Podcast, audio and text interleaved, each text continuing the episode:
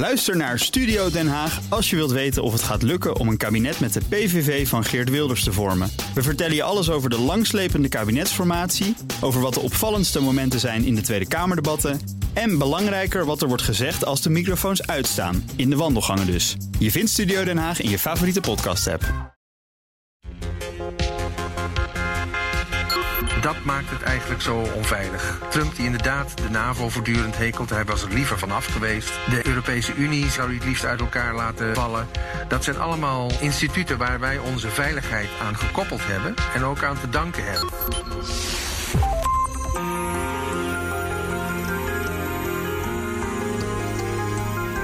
Je luistert naar De Stratege, een podcast van BNR in samenwerking met het Den Haag Centrum voor Strategische Studies. Mijn naam is Paul van Liemt. But we were supposed to be there for 30 days. We stayed for 10 years. It's time for us to come home. We're not a policing agent. to make sure that we have a place from which we can operate if, in fact, you find that there's a, massing of ISIS capacity to strike the United States like happened in 9 11. The plan is to get out of endless wars, bring our soldiers back home, to not be policing agents all over the world. Find a way to avoid the onrush of war. And the best way to do that, of course, would be for President Trump to rejoin the Iran deal and build on it.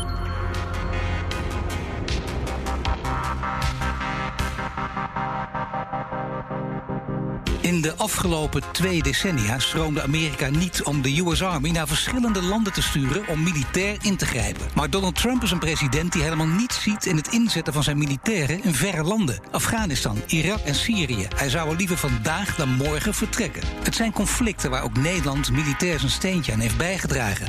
Wat betekent de huidige Amerikaanse opstelling dus voor ons? Moeten we in de toekomst nog wel ja zeggen als we de vraag krijgen om weer mee te doen? En wat als Joe Biden het voor het zeggen zou hebben? Gaat Amerika dan qua buitenlandbeleid weer terug naar hoe het was voor Donald Trump? Dat ga je horen in deze aflevering van De Strateeg. Van mijn gasten Bernard Hammelburg, Bartland, commentator van BNR Nieuwsradio, presentator van BNR De Wereld en medemaker van de Amerika-podcast. en Peter Weininga. Freelance verbonden aan het Haag Centrum voor Strategische Studies. Ik ben oud-luchtmachtofficier en mijn specialiteit is strategie. Het hele land stromen bij provinciale archieven foto's en video's binnen van de corona-lockdown. Daar hadden die archieven ook om gevraagd, omdat ze deze historische periode graag willen vastleggen voor het nageslacht. enorme crisis. Ik denk dat het wel de geschiedenisboeken ingaat. Nederland dreigt namelijk in een historisch diepe recessie te belanden. Volgens economen van de Rabobank krimpt de economie dit jaar met 6% en dat zou de grootste krimp in 100 jaar zijn. Voters in America will be deciding who the next president of the United States will be. This election has already proved remarkable.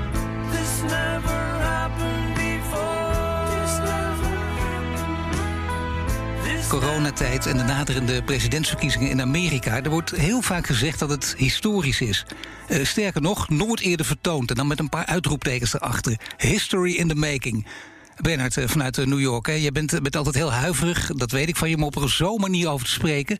Maar toch, op dit moment is het op zijn plaats om het op deze manier zo te formuleren, of niet? Nou, historisch gezien is het niet op zijn plaats, want er zijn veel gekkere verkiezingen geweest door de Amerikaanse geschiedenis heen. En eentje die bij voor in de 20e eeuw, denk ik, dat misschien wel de allergekste de race was tussen Goldwater en Johnson eh, in, in de jaren 60.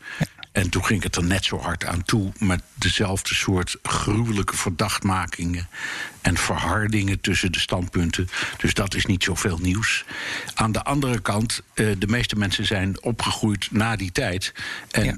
in, dus in het leven van een gewoon normaal mens. Eh, in, in, in leeftijd tot, weet ik wat, 55 of 60 of zo. is dit inderdaad wel iets heel bijzonders. Dus ik, ik ben ook weer heel voorzichtig om de illusie mee weg te nemen. dat mensen hier nu een uniek soort geschiedenis meemaken. Want het is het best. Ja, dat is het best, maar misschien toch nog meer. Want ook eh, corona komt erbij. En dat had je natuurlijk niet in die tijd. Er speelden heel andere zaken. Maar ja, dit is wel iets, iets heel groots wat nu samenkomt. Ja, het is, het is een, eh, een onvoorstelbaar lastige eh, factor. Trouwens, niet alleen voor de Amerikanen, maar gewoon voor de hele wereld. Uh, ik, ik vind de, de, uitdrukking van Donald Trump, dit is de plaag, vind ik best aardig gevonden, want het is het ook een beetje. Ja. En het vertroebelt het beeld op allerlei andere dingen. Dus het is niet alleen heel triest voor de mensheid, maar naar mijn idee ook heel tragisch dat er niet een normaler, gezonder politiek debat kan worden gevoerd over allerlei belangrijke in zaken, over strategie, over de verhouding met China, over de verhouding tussen de Verenigde Staten en uh, Europa uh, enzovoort. Dit wordt allemaal vertroebeld door, de, door, door, dit soort zaken. En dat door, door deze vreselijke ziekte. En de manier waarop ze ermee omgaan. En dat, dat is, ik vind dat een tragedie, maar die geldt eigenlijk in de hele wereld. Maar een heel bijzondere tijd, eh, Peter. Of uh, maak jij dezelfde relativering als Bernard? Um, nou ja, laat ik zo zeggen. Um, ik herinner me de, de, strijd tussen Goldwater en Johnson niet zo goed. Dus voor mij is dit wel een, uh, een bijzondere. Um, maar ik ben het wel met hem eens dat alles eigenlijk uh, wat er op dit moment aan de hand is en ook zich afspeelt in de wereld een beetje verdrongen wordt door de coronapandemie. Het is natuurlijk heel begrijpelijk, want het is een heel ingrijpende en wereldwijde pandemie. Iedereen heeft daar grote problemen mee en er worden ja ook enorme tragische verhalen spelen zich af. Um, maar dat laat niet onverlet of dat, dat er uh, zeg maar nog andere zaken in de wereld zijn die ook onze aandacht behoeven. En die op dit moment die aandacht tekort komen. Dat is uh, inderdaad wel een belangrijk punt. En dan toch, deze tijd, waar heel veel negativiteit ook bestaat. Maar is het ook heel interessant vanuit werkopzicht voor jou, Peter, om, om juist in deze tijd nu te opereren, dat, dat er een grotere spanning opstaat? Voor heel veel mensen heel vervelend, maar vanuit werkopzicht misschien juist prettig en spannend? Nou ja, in, in die zin. Um, ik kijk natuurlijk heel uh, sterk naar geopolitiek, hè, wel met een militair randje. Ja. Um, uh, en, en, wat er nu gebeurt, en wat er de afgelopen jaren ook is gebeurd, zeker uh, onder het presidentschap van Trump, is natuurlijk heel interessant. Er zijn dingen die ja, die, waarvan je het spijtig vindt, zeg maar, dat die hebben plaatsgevonden. Die anders hadden kunnen uh, plaatsvinden. Misschien met een andere president ook anders waren opgelost. Maar uh, dat maakt het wel heel erg interessant. En eigenlijk kun je nu wel zeggen dat de keuze waarvan, waarvoor men nu staat, inderdaad ook wel invloed gaat hebben, geopolitiek. Alhoewel je dat ook weer niet te zeer moet overschatten. Um, het kan ook nog wel eens um, tegenvallen. En dan Bernard, uh, journalistiek gezien. Uh, je hebt een hele lange carrière nu al achter de rug. Je bent er zit er nog middenin. Uh, als je al die tijden met elkaar nu vergelijkt, is dit dan wel een van de meest interessante en boeiende, puur vanuit journalistiek opzicht? Ja, dat is het zeker, Paul. Er is geen twijfel over. we hebben het ook allemaal in ons vak. Dat geldt ook voor het vak van Peter. We hebben het allemaal krankzinnig druk op het ogenblik. Met het analyseren van wat er gebeurt. Met het proberen te begrijpen. Het doorgeven van de informatie aan anderen. Het schiften van werkelijkheid en um, en fantasie. Ja. Al die frames die op je afkomen. Dus ik vind het journalistiek een uitdagende tijd. Maar je, ik heb, jij zegt, je doet het al heel lang. Een van de dingen die je leert als je het heel lang doet... is dat... We, het klinkt gruwelijk wat ik nou ga zeggen... maar we moeten natuurlijk ons vak en alles wat ermee samenmaakt. We moeten niet net doen alsof dat belangrijk is.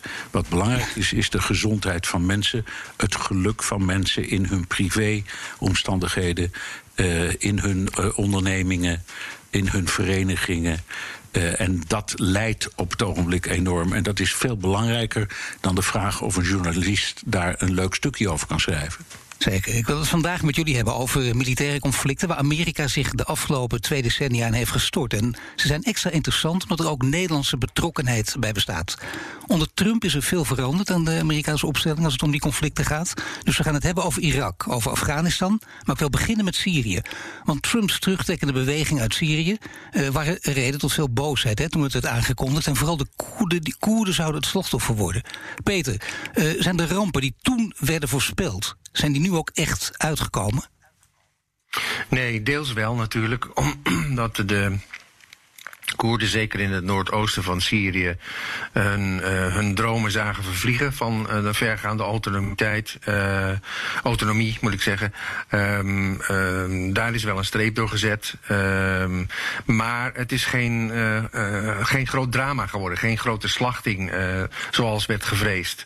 dat komt ook omdat de, denk ik, de internationale gemeenschap toch wel een beetje bewogen heeft, heeft aangedrongen op het vasthouden van die corridor door Turkije. En niet verder het gebied in te dringen.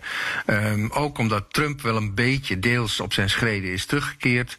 Uh, en nog steeds uh, een militaire aanwezigheid heeft in het gebied, weliswaar in die paar, bij die paar oliebronnen. Maar toch betekent dat dat ze nog steeds een voet binnen de deur hebben. En je kunt zien dat sommige landen, bijvoorbeeld Frankrijk, een beetje in de bres zijn gesprongen. En nu met name als pleitbezorger van de Koerden zijn opgetreden. Ik denk dat de grootste schade die daar uiteindelijk geleden is, los van het feit dat, uh, dat de Koerden daar voorlopig naar hun autonomie kunnen fluiten, denk ik, uh, toch wel is het, het, Amerikaanse imago in, in de wereld. Want ja, ze hebben in die zin de Koerden gewoon in de steek gelaten. Ja, kun je dat zo stellen, Bernard? Ze hebben in die zin letterlijk de Koerden in de steek gelaten? Ja, ik ga nog een stapje verder. Ik, ik, ga nog een stapje verder. Ik denk dat Trump ze gewoon, zoals het hier in Amerika heet, onder de bus heeft gegooid. Uh, inderdaad, gelukkig is het, laten we zeggen, in, in zin van puur bloedbad allemaal wel meegevallen. Maar een, een, een heel volk dat leunde op beloften van de Amerikanen, ook van ons trouwens. Hè?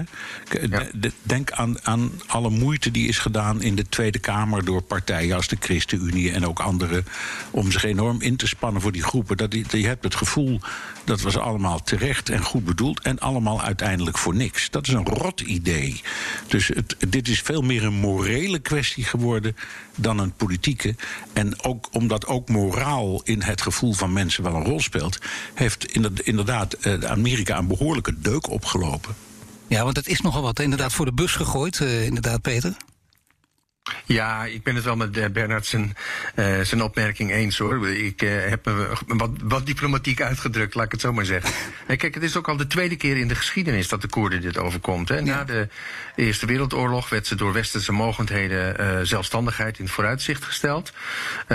daar is men op teruggekomen, eigenlijk onder druk van Kemal Atatürk, de Turkse dictator die inmiddels de sultan aan de kant had gezet. En, en een sterke Turkse nationale, nationale journalist was. Um, toen heeft men uh, zeg maar de, de, Koerden ook al in de steek gelaten. En nu is dit eigenlijk de tweede keer. Uh, Zo'n honderd jaar later. En dat is toch wel heel, heel erg uh, triest. Um, en inderdaad, ja. onder de bus. En, en, daar heeft Amerika, denk ik, op langere termijn toch wel ja, grote schade van, van geleden. Ja. In deze podcast willen we ook... Een beetje een, beetje een ja. zijlijntje, maar het is nog een keer gebeurd. Ja. Na de Eerste Golfoorlog toen Bush 1 ja, klopt, de, de, de, de, uh, de Koerden en de Shiiten opriep om in opstand te komen tegen Saddam Hussein. Ja. Dat hebben ze vervolgens klopt. gedaan. En daarna zijn ze ja. op gruwelijke manier in de pan gehakt. En Amerika was nergens klopt. te vinden. Ja. Klopt, Dan willen we het in deze podcast ook over, over Nederland hebben. Het Nederlandse perspectief bekijken. Dus hoe staat het met de Nederlandse inzet in Syrië, Bernard? Nou ja, we hebben. Kijk, de, de, argumentatie om mee te doen met uh, F-16's was. Um, laten we zeggen, in politieke zin wel zuiver geformuleerd. Uh, wij bemoeiden ons niet zozeer met het conflict, maar wel met het verslaan van IS. En als je je op het standpunt stelt dat die missie is geslaagd, dan heeft Nederland daar zeker een goede bijdrage aan geleverd. En we, denken vaak wat laatdunkend over maar vier of zes vliegtuigen. Maar die kunnen een hoop schade aanrichten in, in toevoerwegen en op munitieopslagplaatsen. En natuurlijk ook dat, die, die vreselijke zwarte vlek die er overheen hangt van het drama waarbij een aantal onschuldige burgers zijn uh, omgekomen. Dus we zijn niet helemaal ongeschonden eruit gekomen. En nu, als we iets vooruitkijken, kunnen we nog op Amerika vertrouwen als we toezeggen in een land als Syrië een militaire bijdrage te leveren? Nou, dat vind ik eigenlijk niet op dit moment. En dat vond ik toen ook al niet. Ik was destijds er ook niet voor. Uh, en zou er nu zeker tegen zijn. Maar ik kan me ook niet meer voorstellen dat de regering Trump of de regering Biden, als die komt, dat soort verzoeken nog aan ons richt op korte termijn. Zeker niet daar. Laten we ook even kijken naar Iran, want een land met een stevige vinger in de pap in Syrië, ook in Irak trouwens, is Iran. En na de dood van generaal Soleimani leek er een, een, militaire confrontatie met Amerika op de loer te liggen. Het liep af met een sisser, kun je misschien wel zeggen. Kun je zeggen dat het een, dus ook een overwinning voor Trump is geworden, Peter? Um, nou ja, de dood van Soleimani kun je wel als een, uh, een, overwinning zien, een kleine een tactische overwinning. Um, maar het grote probleem was daar natuurlijk bij dat het niet deel uitmaakte van een groter plan. Uh, daarna bleef het gewoon stil. Ehm, en, en, dus kun je dit rustig zien als een simpele militaire wraakoefening en verder niks. Ehm, de vraag was of het een, nu meer om het imago van Trump ging, of omdat het daadwerkelijk zeg maar militair en ook politiek profijt uit te halen. Dat is absoluut niet gebeurd. Er was absoluut geen follow-on. Er lag dus ook helemaal geen plan richting Iran voor wat dit betreft. Dus, dus ja, ehm, ja, inderdaad. De, Soleimani was geen uh, lievertje. Hij heeft uh, uh, absoluut verschrikkelijke dingen gedaan. Um, was de belangrijkste militaire componentleider, zeg maar, van Iran in het buitenland. En daarmee is Iran wel een, een middel uit handen geslagen. Maar of dat dan ook betekent dat Iran op termijn, zeg maar militair gezien, veel minder actief is in het buitenland met het steunen van allerlei groeperingen, Sjiitische groeperingen, dat is maar zeer de vraag. Dus het is de vraag of dat op een langere termijn ook een overwinning is. Ja, als er geen plan is, eh, Bernard, hè, heeft, eh, heeft Trump eh, de dreiging van, van Iran desondanks weten te verminderen? Nou, ik kijk eigenlijk naar een andere ontwikkeling die, die er misschien mee samenhangt. Ik denk, denk zeker. En dat is um, de, de veranderingen die je ziet in het, het smeden van bondgenootschappen. Hè? De, de, dat, het verdrag tussen de Verenigde Staten, Israël, Bahrein, um, de, de Emiraten. Er komt nu ook. Soudaan komt daarbij, Oman komt daarbij. Waarschijnlijk uiteindelijk ook een keer Saudi-Arabië. En dat past in een soort filosofie, denk ik. Dat al die landen en Amerika samen in. Um, die zijn, dat zijn de, de nieuwe geallieerden in deze kwestie. En Iran en Syrië en uh, eigenlijk ook Irak dat, is, dat, zijn, dat zijn de asmogendheden aan het worden. Dus in, in strategische zin is er denk ik wel wat gebeurd. Maar dat had op zichzelf met die, met die aanslag op Soleimani helemaal niks te maken. Zou je nu kunnen zeggen. Ja, Peter? Nee, dat denk ik ook, ben ik wel eens. Uh, je, je, ziet eigenlijk dat hij uh, op, op deze manier het heeft niks met Israël te maken, het heeft ook niks met de Palestijnen te maken. Hij is bezig Iran in het isolement uh, te, te, te dwingen eigenlijk. Door al die verdragen met, uh, met uh, golfstaten en uiteindelijk denk ik ook Saudi-Arabië. Ja, je zou wel kunnen zeggen, laat Iran gewoon lekker zijn gang gaan. zonder inmenging van wie dan ook, van grote mogelijkheden. En zonder Amerika. Peter?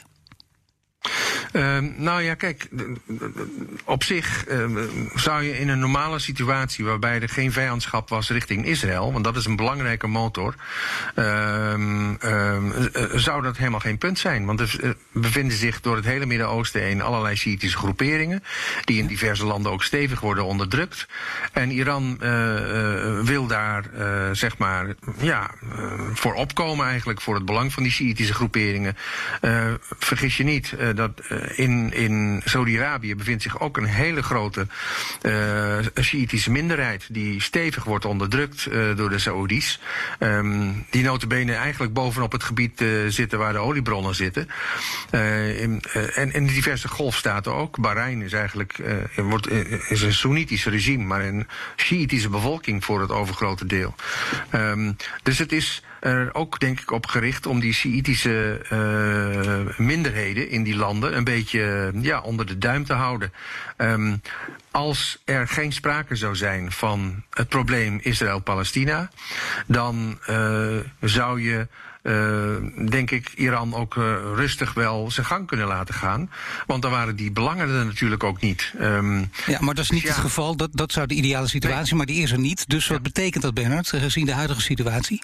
Nou, ik, ik, gedurende de, de huidige situatie is dat de Iran als een citroen wordt uitgeperst door Amerika en consorten. Om wat voor, um, zou ik maar zeggen, uh, uh, motieven ze dat dan ook doen. Maar ze doen het.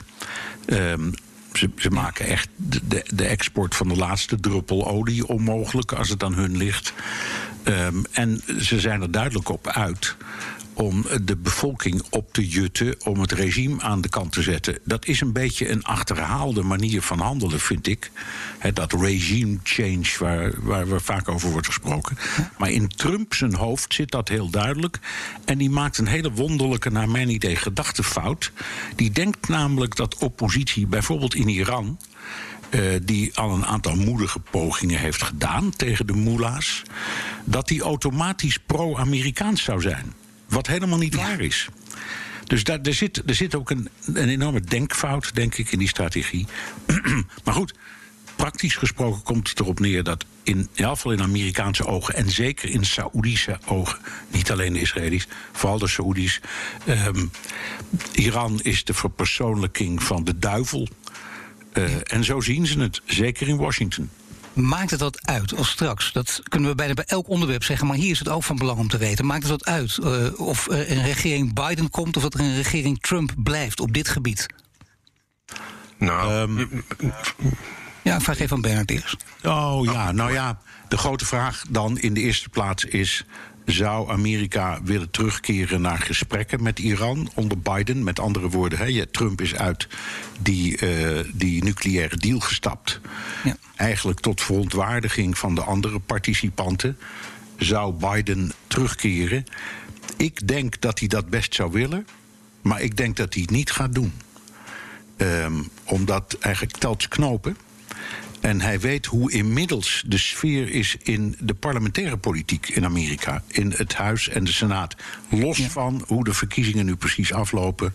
Maar ik denk dat hij gewoon, ik zal maar zeggen, uh, de, brie, de brokken niet waard vindt.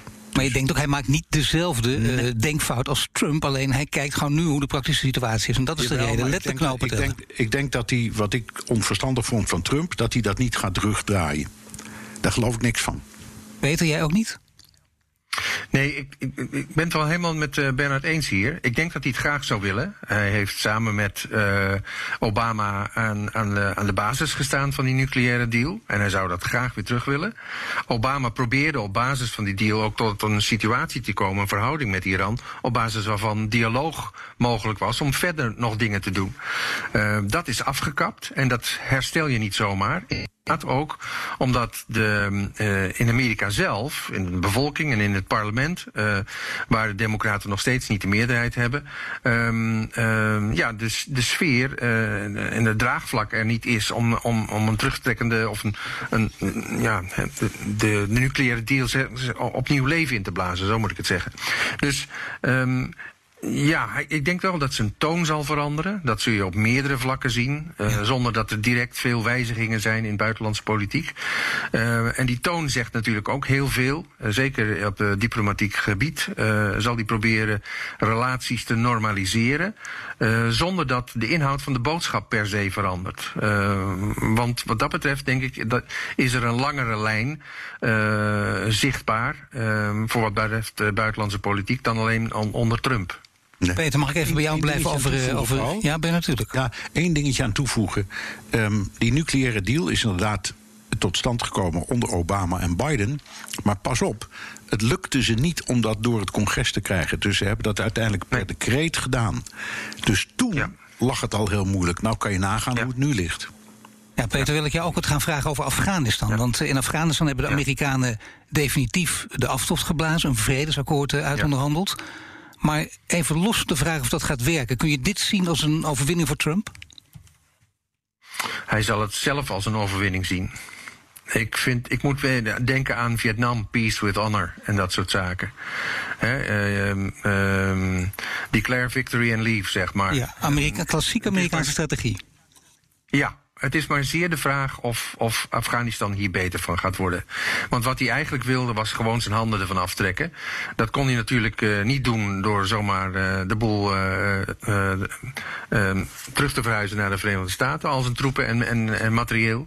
Ehm, hij, moest een, hij moest een, een moment bereiken waarop dat zeg maar, met opgeheven hoofd zou kunnen doen. Nou, dat heeft hij dan nu bereikt.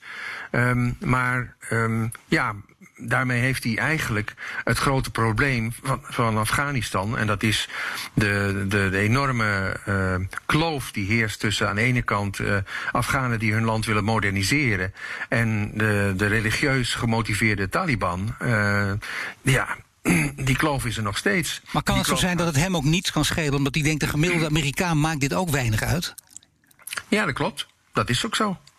Dat maakt de gemiddelde Amerikaan helemaal niks uit. Die, die, die, vinden het goed dat de, uh, zeg maar, uh, de Amerikanen destijds Afghanistan zijn binnengevallen om uh, Al-Qaeda op te ruimen. Nou, Al-Qaeda is opgeruimd. Hè? en hier en daar zijn nog wat resten. hun leider is een kopje kleiner gemaakt, om het zo maar uit te drukken. En ja. daarmee is het voor de Amerikanen afgedaan. Maar uh, toch, als je dit zou zeggen, het is extra pijnlijk natuurlijk. Hè? Sowieso als, als er militairen ja. sneuvelen. Maar er zijn ook 23 Nederlandse militairen gesneuveld in Afghanistan. Ja. Dat was het ja. dan helemaal niet waard. Ofwel, als je naar de resultaten van de oorlog kijkt. Want er vallen, er kunnen doden vallen, dat, dat hoort bij oorlog. Maar als je dit zo omschrijft. Hoe kijk je daar dan Ja, naar? dan is, dat, dan is het des te dramatischer en ja. triester, zeg maar, dat daar mensen voor zijn gesneuveld en niet alleen Nederlanders.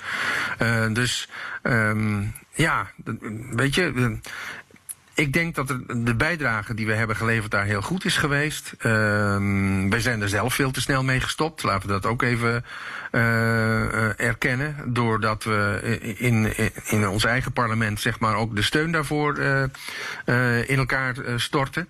Um, toen kon je de vraag al stellen, was het allemaal voor niks geweest? En nu kun je dat zeker stellen, inderdaad. Het is des te triester dat, ondanks alle offers die daar zijn gebracht aan Afghaanse en ook aan Westerse kant, uh, dat dit, dit, nu de situatie is. en de Afghanen verdienen dit zeker niet. Dus ja, ik vind het zeker geen overwinning. Moet Nederland nu helemaal, Bernard, oppassen als het weer gaat en Afghanistan wordt doorgevochten en, er komt een nieuwe situatie en stel Amerikanen onder Biden gaan iets anders doen. En die, die gaan toch hun aanwezigheid daar vergroten. Is dan moeten wij als Nederland dan denken, hier doen wij niet meer aan mee? Nee, dat moet je nooit doen, want wij hebben artikel 96 van de grondwet. En dat beschrijft waarom we een krijgsmacht hebben. Eén daarvan is de bescherming van het koninkrijk. En de ander is het handhaven van de internationale rechtsorde. En er kan zich elke keer weer een situatie voordoen. waarin de internationale gemeenschap, met of zonder Amerika, dat doet er niet eens zoveel toe. een beroep doet op Nederland. of dat Nederland uit zichzelf zegt. dit kunnen wij niet laten passeren, hier moeten we iets aan doen.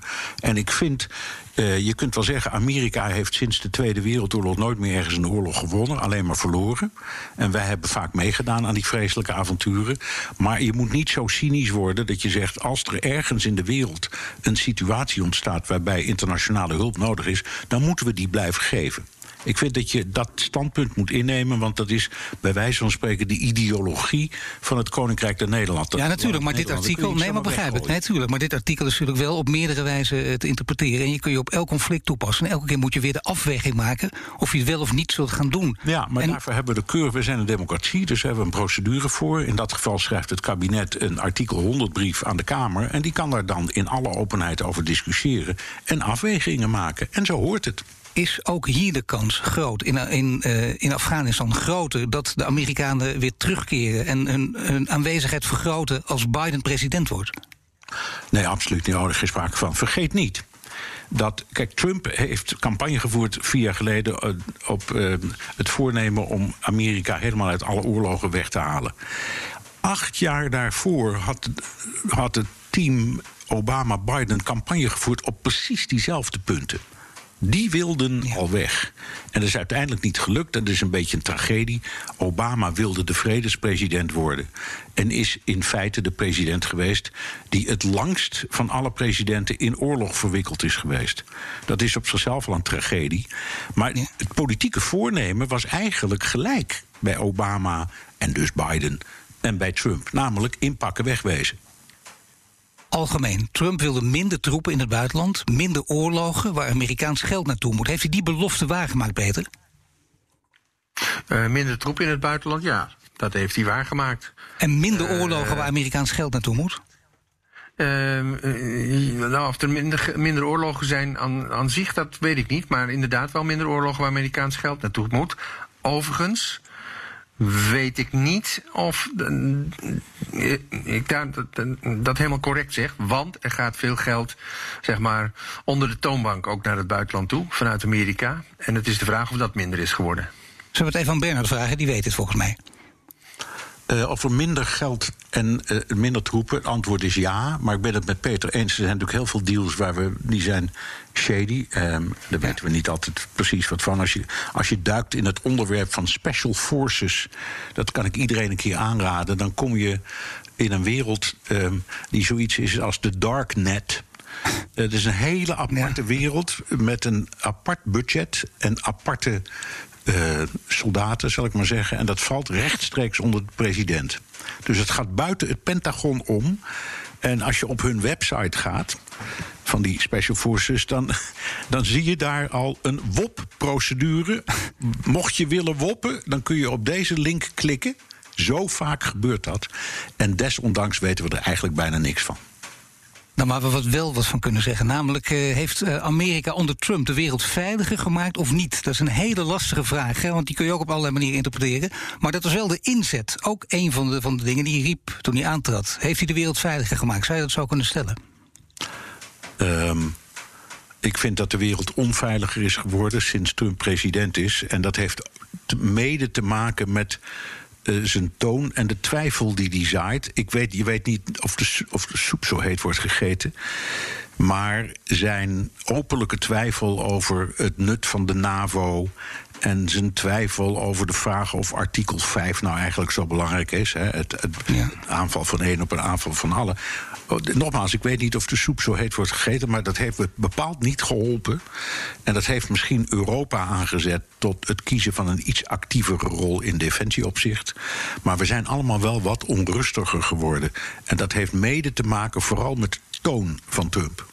Ja, vind je het ook, Peter, dat uiteindelijk dus Trump de Nederlandse en Europese belangen geschaad heeft met dit beleid? Dat ook voor Nederland en Europa minder veilig heeft gemaakt in de wereld? Jazeker. Um, zoals Bernard al zegt, uh, de wijze waarop hij uh, hierover communiceert hè, um, is heel impulsief. Um, dan weer dit en dan weer dat. Het, de, de situatie is een stuk onzekerder geworden. En onzekerder betekent onveilig. Want er is niks uh, wat uh, veiligheid beter, uh, zeg maar, be, ja, bevoordeelt als voorspelbaarheid. En het is allemaal veel onvoorspelbaarder geworden. Um, en, en dat maakt het eigenlijk zo onveilig. Trump die inderdaad de NAVO voortdurend hekelt, hij was er liever vanaf geweest.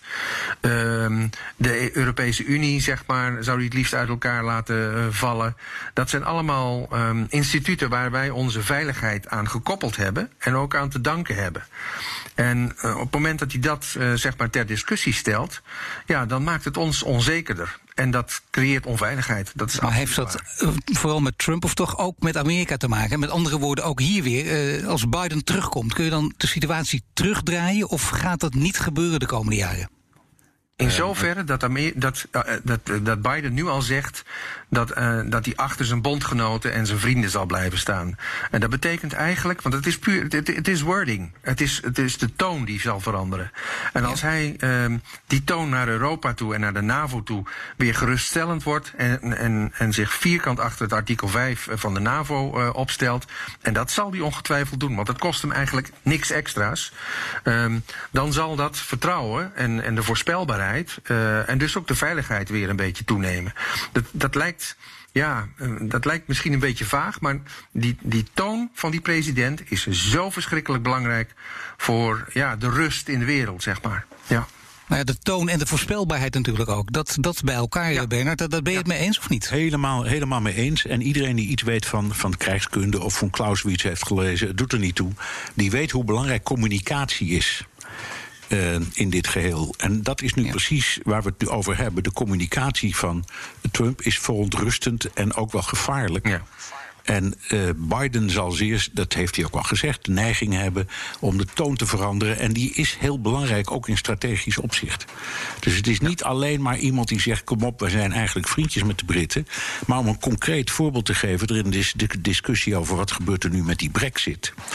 En uit het Biden-kamp hoor je, nou als het gaat zoals we denken dat het gaat, dan gaan wij inzetten op het nieuw leven inblazen van TTIP. Dat, uh, dat Europees-Amerikaanse handelsverdrag. Dat is helaas mislukt. Ja. Uh, ja. En daar heeft Trump de plug uitgetrokken. En overigens was niet alleen hij boos, maar ook bijvoorbeeld in Nederland waren heel veel mensen het er niet mee eens. Maar goed, uiteindelijk daar kan iets nieuws voor in de plaats komen. En uh, dat, als je die kant ingaat, hè, of dat nou concreet meteen iets oplevert, weet ik niet. Maar het signaal daarvan is: wij zijn één. Eén voor alle, alle voor één. En dat is de laatste tijd ontvallen. Ik dank jullie voor dit gesprek. Bernard Hammelburg, buitenlandcommentator van BNR... en Peter Weininga, defensiespecialist van het Den Haag Centrum voor Strategische Studies. En luister vooral ook naar andere afleveringen van De Strateeg. Bijvoorbeeld met Frans en Paul Verhagen... over het machtigste ambt ter aarde, het Amerikaanse presidentschap. Tot de volgende keer. Ook Bas van Werven vind je in de BNR-app. Ja, je kunt live naar mij en Iwan luisteren tijdens de ochtendspits. Je krijgt een melding van Breaking News. En niet alleen onze podcast Ochtendnieuws, maar alle BNR-podcasts vind je in de app. Download nu de gratis BNR-app en blijf scherp.